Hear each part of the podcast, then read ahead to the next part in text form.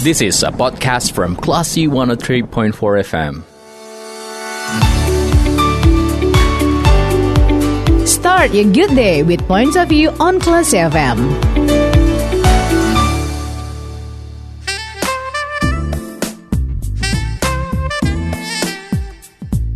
Dari Bumi Karang Putih Darung Padang, 103.4 Kelas FM, this is the actual radio.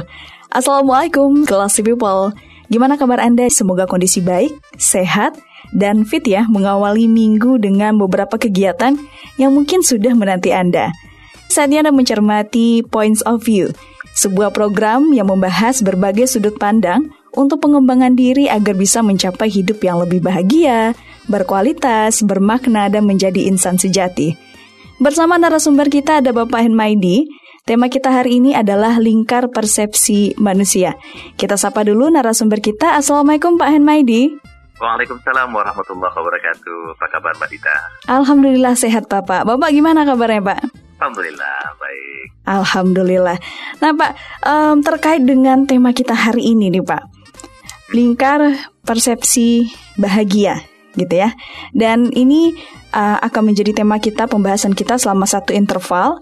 Dan kalau kita bicara soal bahagia ya Pak, ini sebenarnya mungkin bisa dibilang susah-susah gampang ya Pak untuk mendefinisikannya. Mm-mm. Dan kadang hal kecil bisa bikin senang dan bahagia, kadang sudah memiliki hal besar tapi masih saja overthinking. Iya nggak sih Pak? Benar. Iya. Oke baik. Nah sebelum um, kita membahas beberapa aspek nih Pak terkait dengan tema ini. Mungkin bisa dijelaskan dulu nih Pak gambaran umum seperti apa pembahasan kita di kali ini Pak. Baik, makasih Mbak Dita. Uh, salam untuk seluruh pendengar semuanya. Jadi ketika kita bicara tentang tujuan daripada kehidupan, misal kita tanyakan pada setiap orang ya, apa tujuan daripada kehidupan? Rata-rata orang mungkin akan menjawab ingin sukses. Mm -mm. Itu jawabannya tidak akan jauh-jauh dari situ. Iya. Namun apabila kita gali lebih jauh, sukses seperti apa yang Anda inginkan, Mm. barangkali kita akan mendapatkan jawaban yang beragam. Ada yang mampu menjawabnya dengan benar, benar dengan baik, Mm-mm. namun banyak yang tidak. Kenapa? Karena jawabannya kabur dan berbelit-belit. Iya. Jadi kalau kita pandu lagi dengan baik, barangkali dia sampai pada suatu titik. Jawabannya adalah sukses itu adalah saya ingin bahagia. Mm. Jadi persoalan kembali adalah jika ditanyakan kepada orang itu apa yang dia maksud dengan bahagia, maka jawaban pun akan beragam. Itu wajar karena memang bahagia bahagia itu adalah masalah rasa. Jadi kurang lebih begitu tuh Mbak Dita. Oke, balik lagi kita ke persepsi bahagia gitu ya Pak ya. Mm-mm. Nah, persepsi bahagia ini sebenarnya bagaimana kita bisa membangun persepsi yang baik untuk bisa hidup bahagia sebenarnya Pak? Oke. Kita kembali dulu ya tentang definisi bahagia itu ya. Hmm. Orang mendefinisikan bahagia menurut apa yang pernah dia rasakan, apa yang pernah dia pikirkan. Siapa saja yang tak pernah merasakan bahagia mustahil dapat menggambarkan kebahagiaan apa yang ingin dia capai. Hmm. Sebagian menyatakan bahwa merasa bahagia apabila dia punya harta, Mm-mm. maka dikejarnya harta itu. Dia rela berkorban untuk mencapainya. Sebagian gagal mengumpulkan kekayaan, sebagian lagi berhasil mengumpulkan kekayaan, Mm. tapi gagal bahagia. Ah, iya. Ada juga yang menyangka bahagia didapatkan apabila dia memperoleh jabatan pangkat yang tinggi. Mm-mm. Pangkat dan jabatan tinggi itu berhasil dia peroleh, tapi gagal pula bahagia. Oke. Ada pula yang mengira bahwa dia akan berbahagia apabila berhasil mempersunting pasangan yang cantik atau ganteng. Mm-mm. Sekali lagi, ada yang mendapatkan apa yang dia inginkan, Mm-mm. namun gagal bahagia. Jadi begitu tuh Mbak Dita. Oke. Bahagia itu sangat relatif Mm-mm. dan kadang-kadang bagi sebagian orang abstrak. Iya, sangat abstrak ya Pak. Dan kalau lihat dari ilustrasi Bapak tadi, em, apa yang diinginkan belum menjamin em, sesuatu yang membahagiakan gitu ya Pak. Benar. Jadi itu baru sebatas ekspektasi kita ketika kita ingin bahagia, kita harus mendapatkan ini, mendapatkan itu gitu ya Pak. Iya. Nah, jadi bahagia itu sesungguhnya adalah rasa rasa tenang, Hmm. rasa tentram, rasa damai yang memenuhi rongga jiwa. Mm-mm. Rasa itu ada di dalam hati dan kolbu. Hmm. Sedangkan hati atau kolbu itu tidak tunduk kepada pikiran. Iya. Jadi ada orang berpikir dia ingin hatinya bahagia. Namun rasa bahagia itu kadang-kadang tidak bertemu. Hmm. Hati hanya akan mampu dibolak-balikkan oleh yang maha membolak-balik hati. Yaitu Allah yang maha kuasa. Jadi sesungguhnya bahagia itu adalah anugerah dari Tuhan yang maha kuasa. Rasa bahagia itu ada di dalam hati, sekali lagi hati tidak tunduk pada pikiran. Pikiran ingin bahagia, tetapi hati yang membuatnya bahagia adalah Allah yang maha kuasa. Gitu. Oke, berarti bahagia ini tidak ditentukan oleh logika kita ya, Pak ya? Tidak, Mm-mm. tidak. Dan cenderung i- kebanyakan yang dilakukan oleh sebagian orang adalah eh, memenuhi ekspektasi logikanya untuk mengejar bahagia yang mereka pikir bisa terwujud itu ya, Pak? Benar, dan pada akhirnya sebagian orang terjebak tuh. Hmm. Dia mengejar sesuatu yang dia sangka akan memberikan kebahagiaan, tetapi ternyata setelah dia yang yang dia kejar itu dapat, ternyata bahagia itu tidak ada. Seperti eh, cerita kita tadi, Mm-mm. dia sangka bahagia adalah ketika dia bisa memperoleh harta, hartanya dia peroleh, tapi bahagianya dia tidak dapat. Mm-mm. Oke, berarti sebenarnya em, bahagia ini kan dari hati, dari kolbu. Berarti ada pesan yang disampaikan hati yang yang membuat kita tenang. Nah, bagaimana kita menyadari pesan dari hati ini sebenarnya, Pak? Nah, baik, belum masuk ke situ Mbak Dita, Mm-mm. kita coba lihat dahulu ilustrasi ya. Iya, boleh. Ilustrasinya begini. Kadang-kadang ya, kalau dalam pepatah lama itu, rumput tetangga lebih hijau dari rumput di rumah sendiri. Pernah dengar gitu nggak? Sering sekali, Bapak. Karena kita terlalu sibuk untuk melihat hijaunya rumput di halaman orang lain. Iya. Sehingga terasa bahwa rumput tetangga lebih hijau daripada rumput di pekarangan sendiri. Mm-mm. Saya punya ilustrasi nih, Mbak. Ada seorang laki-laki, dia menyeka keringatnya. Mm. Dia berjalan dengan badan yang lesu. Dia baru pulang dari sawah, Mm-mm. tempat dia menjadi buruh tani. Dia tidak memiliki lahan sendiri. Dan untuk memenuhi kebutuhan hidup, dia menggarap lahan milik milik orang lain. Upah diterima setiap paket pekerjaan selesai. Beban hidup terasa menyesakkan dada. Hasil kerja sebagai buruh tani ini ternyata hanya cukup untuk memenuhi kebutuhan makan hari ini atau esok. Tidak ada sisa untuk memenuhi kebutuhan yang lain. Terbayang di bawah hawa yang membuat gerah dia melangkah menyandang cangkul berjalan gontai. Sebuah bungkusan dipegang di tangan kirinya, yaitu rantangan kotong bekas tempat makan, bekal yang dia buat dibuatkan oleh istrinya. Dia berniat menyeberang jalan, namun tertunda, menunggu sebuah sepeda yang lewat di depannya. Mengeluh dia di dalam hati, serasa Tuhan tak adil. Mengapa hidup susah begini? Sambil menarik, menarik nafas yang panjang, dia berkata di dalam hati, malangnya hidup ini. Andai aku memiliki sepeda, maka tentu aku akan lebih cepat sampai di rumah. Dari ilustrasi ini pertama pertama ini Mbak Dita, Mm-mm. petani yang berjalan gontai tadi Mm-mm. Itu merasa hidupnya tertekan, merasa kekurangan, dan dia melihat ada orang punya sepeda, Iya. sehingga dia membayangkan alangkah bahagianya seandainya saya punya sepeda. Nah, itu perspektif yang pertama, Mbak Dita. Mm. Nah, kita ikuti ya kisahnya. Oke. Di atas sepeda itu ada seorang lelaki mengayuh perlahan. Di belakangnya ada bungkusan. Barangkali bungkusan itu merupakan barang yang sedang diantarkan ke suatu tempat. Tak kala sampai di persimpangan jalan, dia berhenti. Lampu yang hidup adalah lampu merah ya, lampu jalan lalu lintas itu. Dia amati kendaraan-kendaraan yang berjalan di seberang sana sambil menunggu lampu berwarna ber, eh, apa lampu bawa berganti jadi hijau. Mm. Begitu lampu berganti hijau, dia bergegas mengayuh. Lelaki itu tidak menunggu lama-lama. Dia ingin segera sampai di tujuan. Dari sebelahnya, sebelah kanan, buah motor ngeng dengan cepat mendahului enteng saja motor itu menyalipnya. Sementara pemilik sepeda ngos-ngosan mengayuh sepedanya. Coba bayangkan apa yang ada di pikiran orang yang punya sepeda ini. Dalam hati dia mengeluh, oh malangnya hidupku. Andai aku punya motor, tentu tak perlu susah payah mengayuh. Coba kalau aku lebih kaya.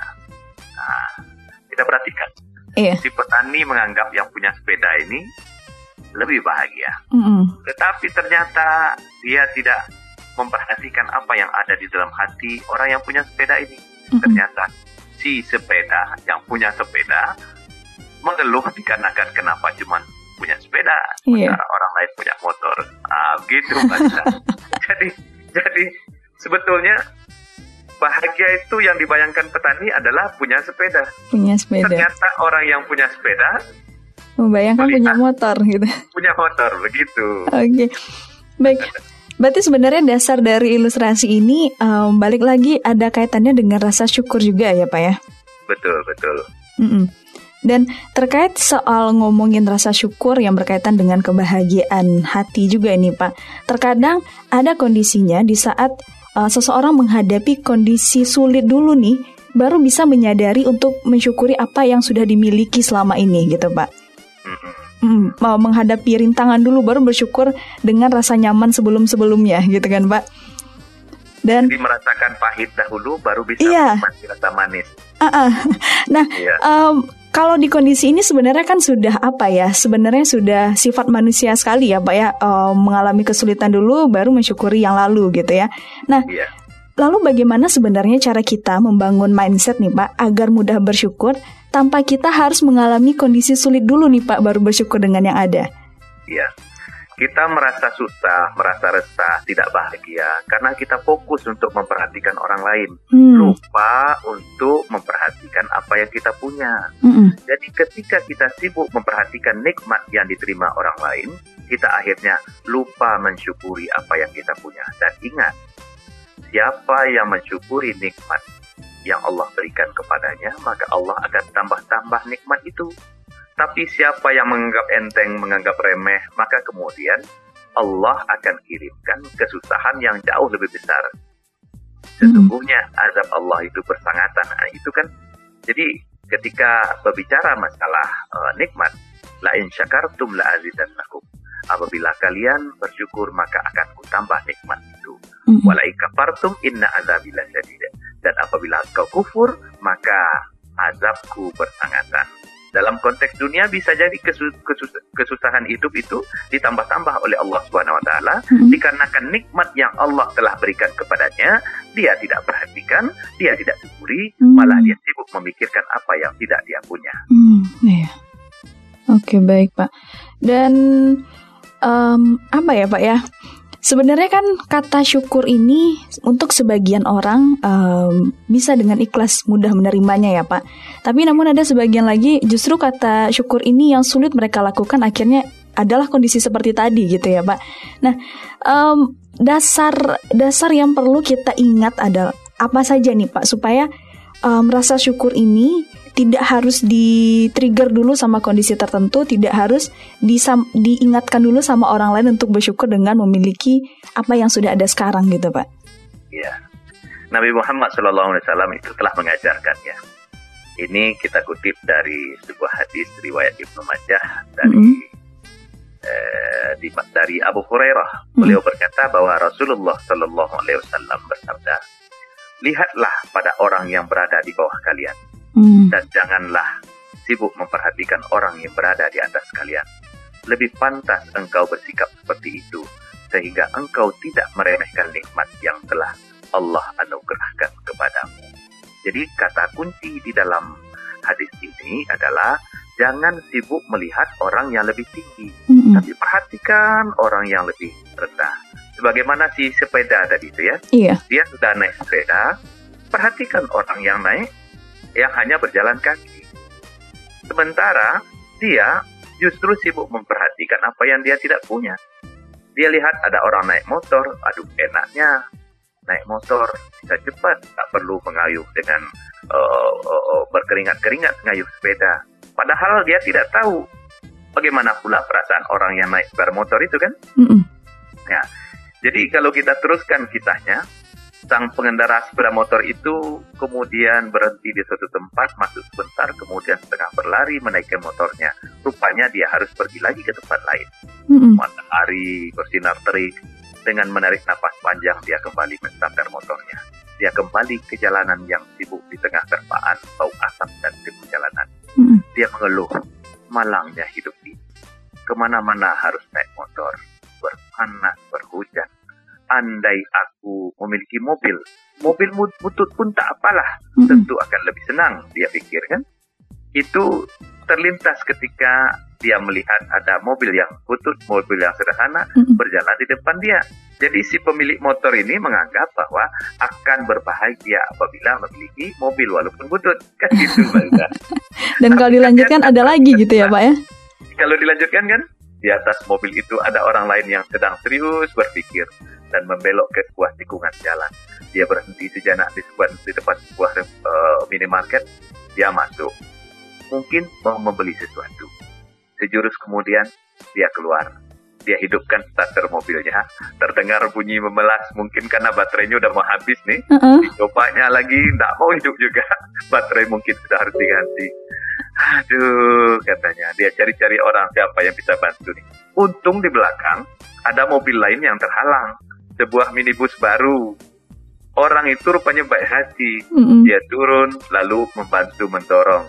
Setidaknya ada tiga orang yang membantu dia mendorong mobilnya. Mobilnya kemudian didorong lalu hidup lagi. Kemudian dia diamkan sejenak. Aduh, katanya. Dia perhatikan orang yang membantu itu anak muda. Terima kasih ya, katanya. Dia lihat orang itu berlari ke atas mobilnya, mobil putih, Mm-mm. kemudian langsung melesat dengan suara mobil yang halus. Apa kata si mobil butut ini? Aduh, alangkah bahagianya kalau punya mobil seperti orang itu. Yang punya mobil butut ini tidak sadar pula. Apa pula yang ada di pikiran yang mobil apa? Mobil minibus putih itu kan? Mm-mm. Lain lagi nih kisahnya dia ini. Oke Pak, tapi maaf, eh, maaf sebelumnya Pak, eh, Dita potong dulu. em, ilustrasi ini Dita yakin pasti masih ada lanjutannya nih Pak. Iya, tapi mungkin kita boleh jeda sebentar dulu ya Pak ya. Oke. Oke, baik, kita akan balik lagi kelas People. Kita akan lanjutkan bagaimana eh, ilustrasi berikutnya dari eh, Pak Hinmaidi ya terkait dengan manusia yang mungkin bisa dibilang em, selalu mengejar apa yang mereka inginkan ya, gitu ya Pak ya. Iya. Oke, baik. Kan apa yang tidak dia punya. Iya, benar. Oke, baik kelas People jangan ke mana-mana. Keep in tune di 103.4 kelas FM. Kita akan kembali sesaat lagi. This is a podcast from Classy 103.4 FM. Makes a good perspective with points of view on Classy FM.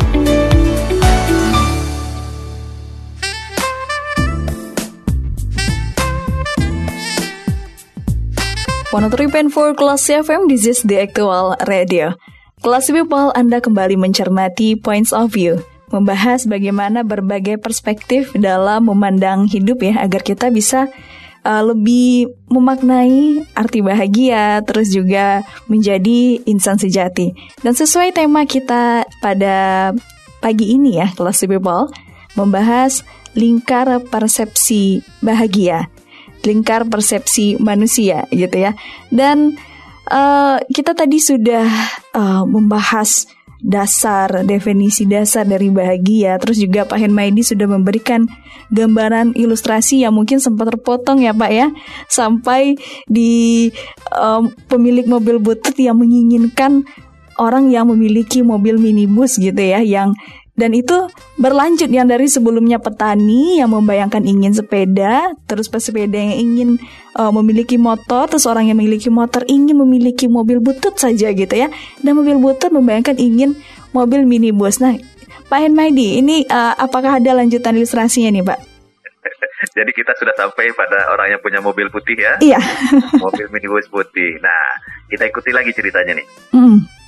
Jadi mobil putih ini itu menawan sekali apabila dibandingkan si mobil butut yang Hmm. barusan mogok. Iya. Si mobil itu terus berjalan, dipandangi terus sama si mobil butut itu sampai hilang dari pandangan dia. Nah, di atas kendaraan itu kelihatan seorang seseorang muda yang berpakaian rapi. Rupanya dia ingin pergi ke sebuah meeting. Mm-mm. Dia sampai di sebuah gedung, dia masuk ke arah gerbang mencari tempat parkir di dekat lobi. Maunya dia parkir di sana agar tidak harus berjalan jauh kan? Tetapi rupanya satpam mengarahkan dia untuk parkir di posisi yang telah disediakan, tapi agak jauh. Akhirnya kan si laki-laki yang punya mobil putih ini tahu diri juga. Mm-mm. Walaupun agak kesal, dia bergerak memarkir kendaraannya di ujung parkiran. Dia turun berusaha bergegas dikarenakan teriknya matahari. Di satu tangan dia pegang tas, yang satu lagi pegang map. Map Mm-mm. itu dia jadikan seperti payung penutup kepala agar tidak kepanasan. Saat mau sampai di pintu utama, ternyata di situ ada sebuah mobil. Dia harus sabar lagi. Terhalang sebuah mobil mewah. Mobil apa tuh namanya? Alphard hitam gitulah ya. Berhenti di depan lobi, pintunya dibukakan satpam. Lalu orang itu hormat dengan ramah sambil sedikit tersenyum, membungkuk. Satpam itu kemudian mempersilahkan penumpangnya turun. Oh, rupanya yang turun dari Alphard hitam itu adalah seorang bos. Langsung berlari masuk ke arah, bukan berlari kali ya, bergegas masuk ke dalam lobi diiringi seorang yang membawakan tasnya. Rupanya tidak lama dia di sana. Si pemilik bus putih itu kan, ketika memperhatikan itu dia tarik napas dalam-dalam.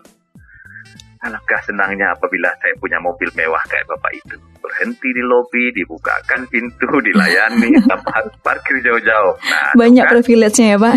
Ah, nah, tuh si mobil putih juga ngeluh dia.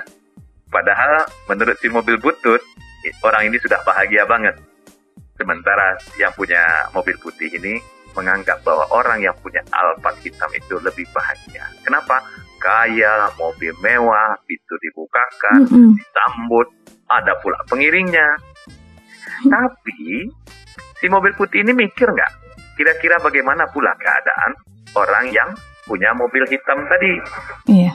Nah, pemilik mobil mewah itu bergegas keluar dari gedung. Dia memaksakan diri tersenyum pada orang-orang yang membungkuk padanya. Dia lewati dengan cepat lalu masuk ke dalam mobil mewahnya. Dia hempaskan tubuhnya di kursi empuk MPV mewahnya itu. Dia pegang keningnya yang kelihatan berkerut. Sesekali dia tarik nafas yang dalam lalu dia hembuskan dengan kencang. Nah, terbayang lagi nih. Si orang kaya punya problem kan? Iya. masuk mobil menghempas lalu pegang kening berkerut keningnya Ah, kita kita coba kita coba telusuri gimana pula kisahnya Mm-mm.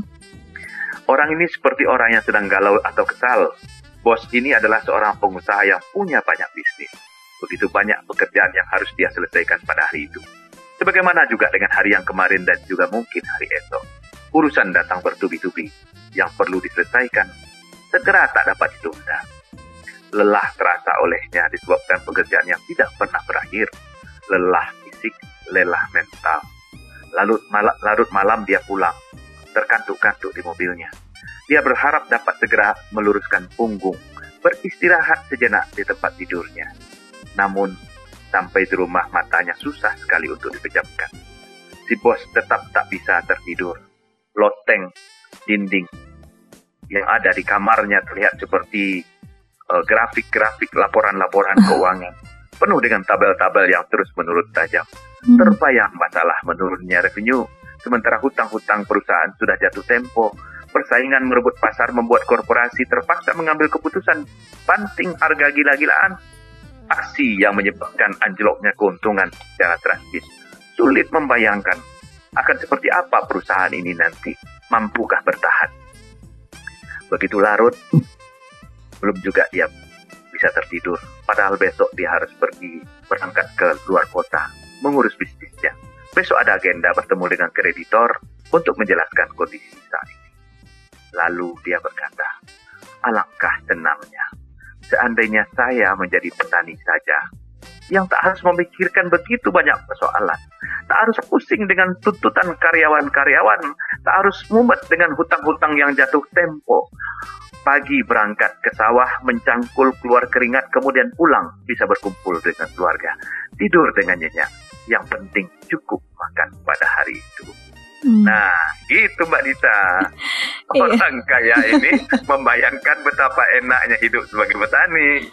Yang yang petani yang justru menganggap sepeda aja udah jadi harapan yang sulit buat dia dapat gitu ya, Pak ya. ya benar, benar. Oke baik Pak. Dan eh, Dita mau konfirmasi nih Pak beberapa hal yang mungkin Dita coba kutip ya dari ilustrasi Bapak gitu ya.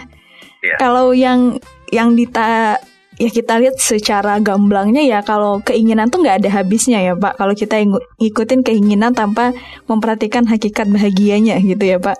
Terus Iya. juga em, kalau dari beberapa tahapan tadi makin besar yang didapat tanggung jawabnya pun juga makin besar gitu sebenarnya ya Pak. Mm-mm, benar, benar. Nah, lalu poin apa lagi nih Pak yang jadi catatan dari ilustrasi Bapak? Jadi poin penting di dalam ilustrasi ini adalah kan kita melihat tadi merupakan fragmen-fragmen itu. Mm-mm. Fragmen perspektif si petani, dia melihat kehidupan orang yang naik sepeda. Si sepeda melihat orang yang naik motor. Fragmen yang lain si motor melihat orang yang memiliki mobil, walaupun butut. Fragmen yang lain si mobil butut itu juga melihat orang yang lain yang memiliki mobil yang lebih mewah dan Hmm. seterusnya. Ujungnya, puncaknya kita mendapatkan fragmen sosok pengusaha yang kaya, sukses, punya banyak perusahaan, tapi dia memiliki begitu banyak persoalan. Dia tidak bisa tidur dengan nyenyak pada waktu malam hari. Barangkali bahagia bagi dia adalah bisa tertidur nyenyak. Sementara si petani itu nyampe di rumah, badan Mm. capek bermain dengan anak-anak, malamnya tidur nyenyak Iya. sesuatu yang diimpi-impikan oleh orang kaya itu, Mm-mm. orang kaya yang tak bisa tidur. Jadi setiap fragmen itu memberikan gambaran kepada kita bahwa ketika orang sibuk memperhatikan rezeki nikmat yang dinikmati oleh orang lain, dia lupa untuk melihat apa yang dia terima, maka dia lupa untuk itu yang menimbulkan keresahan, itu yang menghapuskan rasa bahagia. Jadi rasa rasa bahagia itu sesungguhnya adalah merasa cukup dan mensyukuri apa yang Allah berikan kepada kita pada hari ini. Mimpi-mimpi keinginan bukannya tidak boleh, akan tetapi jangan sampai membuat kita melupakan bahwa yang kita punya saat ini adalah sesuatu yang pantas untuk disyukuri. Oke, baik Pak. Nah, kata kalimat terakhir Bapak nih, em, mimpi dan keinginan bukan tidak boleh untuk dikejar gitu ya Pak. Kayaknya ini menarik lagi untuk kita gali lagi nih Pak. Tapi mungkin kita jeda sebentar ya Pak ya, nggak apa-apa ya Pak? Baik, Mbak Dita. Oke, kita akan jeda sebentar. Kelas People akan kembali lagi sesaat lagi. Jadi jangan ke mana-mana. Keep in tune di 103.4 Kelas FM di Aktual Radio. This is a podcast from Classy 103.4 FM. Makes a good perspective with points of view on Classy FM.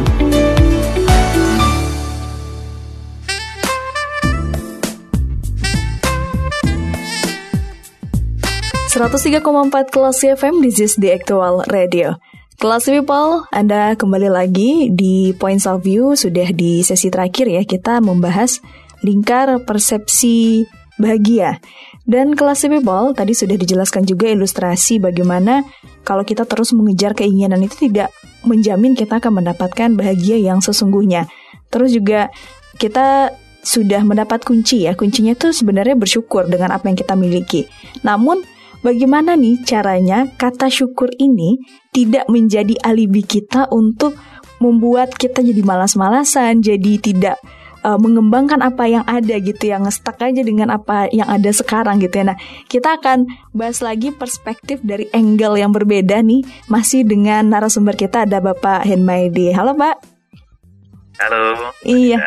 Ya. Tadi kita kan udah bahas nih Pak, kalau kita tuh sebenarnya dasarnya bersyukur ya. Tapi gimana nih caranya supaya bersyukur ini nggak jadi alibi orang untuk malah bermalas-malasan nih Pak? Baik, Mbak Dita. Ah, kita balik dulu kepada bahagia tadi ya. Mm-mm. Tadi kita belum bicara tentang dimensi bahagia. Hmm. Jadi kalau kita bicara bahagia, sebenarnya dia ada dua dimensi. Ada dimensi dunia, ada dimensi akhirat. Mm-mm. Makanya dalam doa, kita meminta kepada Allah Rabbana adina fid dunya hasanah wa fil akhirati hasanah wa qina azabannar. Ya Allah, berikanlah kepadaku kebahagiaan hidup di dunia dan kebahagiaan hidup di Akhirat. akhirat dan terhindar dari siksa neraka. Jadi, kita tak boleh melupakan bahwa bahagia itu ada dimensi dunianya, ada dimensi akhiratnya. Akhirat. Sebagian orang putus pada satu dimensi sehingga menganggap dimensi bahagia hanya dimensi dunia saja. Sehingga dia fokus untuk mengejar apa yang terbayang untuk kebahagiaan di dunia. Seperti pangkat, jabatan, status sosial, dan lain-lain. Ketika itu yang dia lakukan, maka yang terjadi adalah seperti ilustrasi kita tadi. Dia terjebak kepada persepsi bahagia yang salah menyangka bahagia ada pada harta, dia kejar harta, harta dapat, bahagia tak dapat. Menyangka bahwa bahagia ada dalam pangkat jabatan yang tinggi, dia kejar pangkat jabatan yang tinggi, pangkatnya dapat, jabatan pangkat, bahagianya tidak. Karena sesungguhnya bahagia ada dalam keredaan Allah Subhanahu wa taala. Nah, terkait dengan pertanyaan tadi, jangan sampai kita menganggap bahwa merasa cukup merasa cukup dan bersyukur dengan apa yang kita punya membuat kita malas. Mm-mm. Baik. Bersyukur pada harta dilakukan dengan cara apa?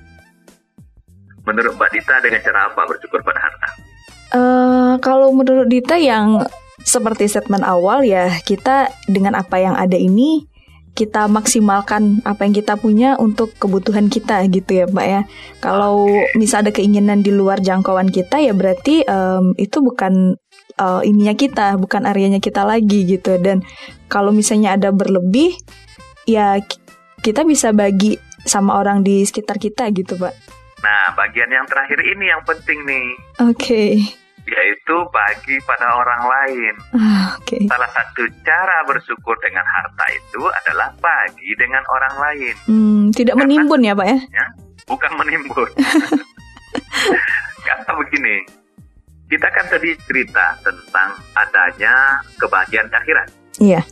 Di antara jalan untuk meraih kebahagiaan akhirat adalah dengan cara menabung sebanyak-banyaknya.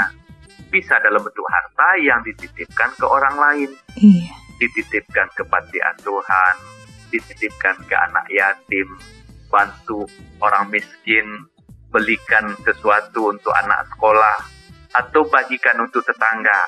Kita sayang pada harta itu dalam rangka apa? Titip untuk bekal nanti di akhirat, karena kita mau kejar di akhirat. Jadi siapa yang ingin mengejar harta di dunia, tapi kumpulkanlah itu sebagai tabungan di akhirat nanti. Hmm. Karena pada akhirnya seperti yang dikatakan oleh Nabi Muhammad SAW, anak Adam berteriak hartaku, hartaku, hartaku. Tidak ada yang menjadi harta anak Adam terkecuali tiga saja. Yang pertama apa yang dia makan masuk ke dalam perutnya kemudian habis membusuk. Yang kedua apa yang dia pakai lalu, lalu lapuk dan menghilang Mm-mm. kemudian apa yang dia sedekahkan dan dia. Maka orang yang berpikiran seperti ini, dia tetap berusaha untuk mengumpulkan rezeki sebanyak-banyaknya, rajin dia karena ada piala di depan dia.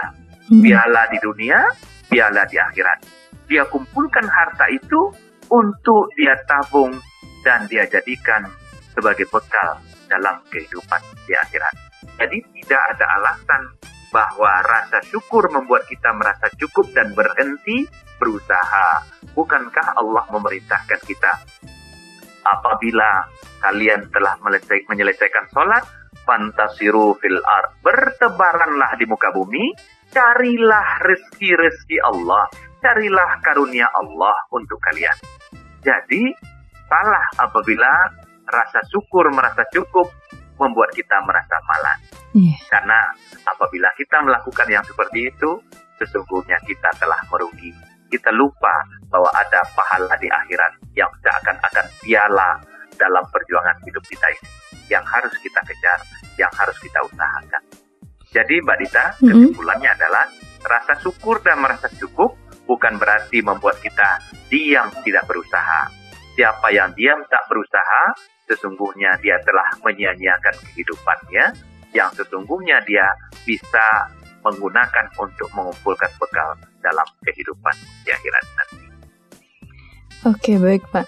Berarti um, semakin ini ya Pak ya, semakin mengerucut dan uh, tidak segamblang itu juga mengartikan bersyukur dengan uh, berada uh, menganggap semuanya yang penting bisa berjalan tanpa kita tidak melakukan pengembangan diri gitu ya Pak ya.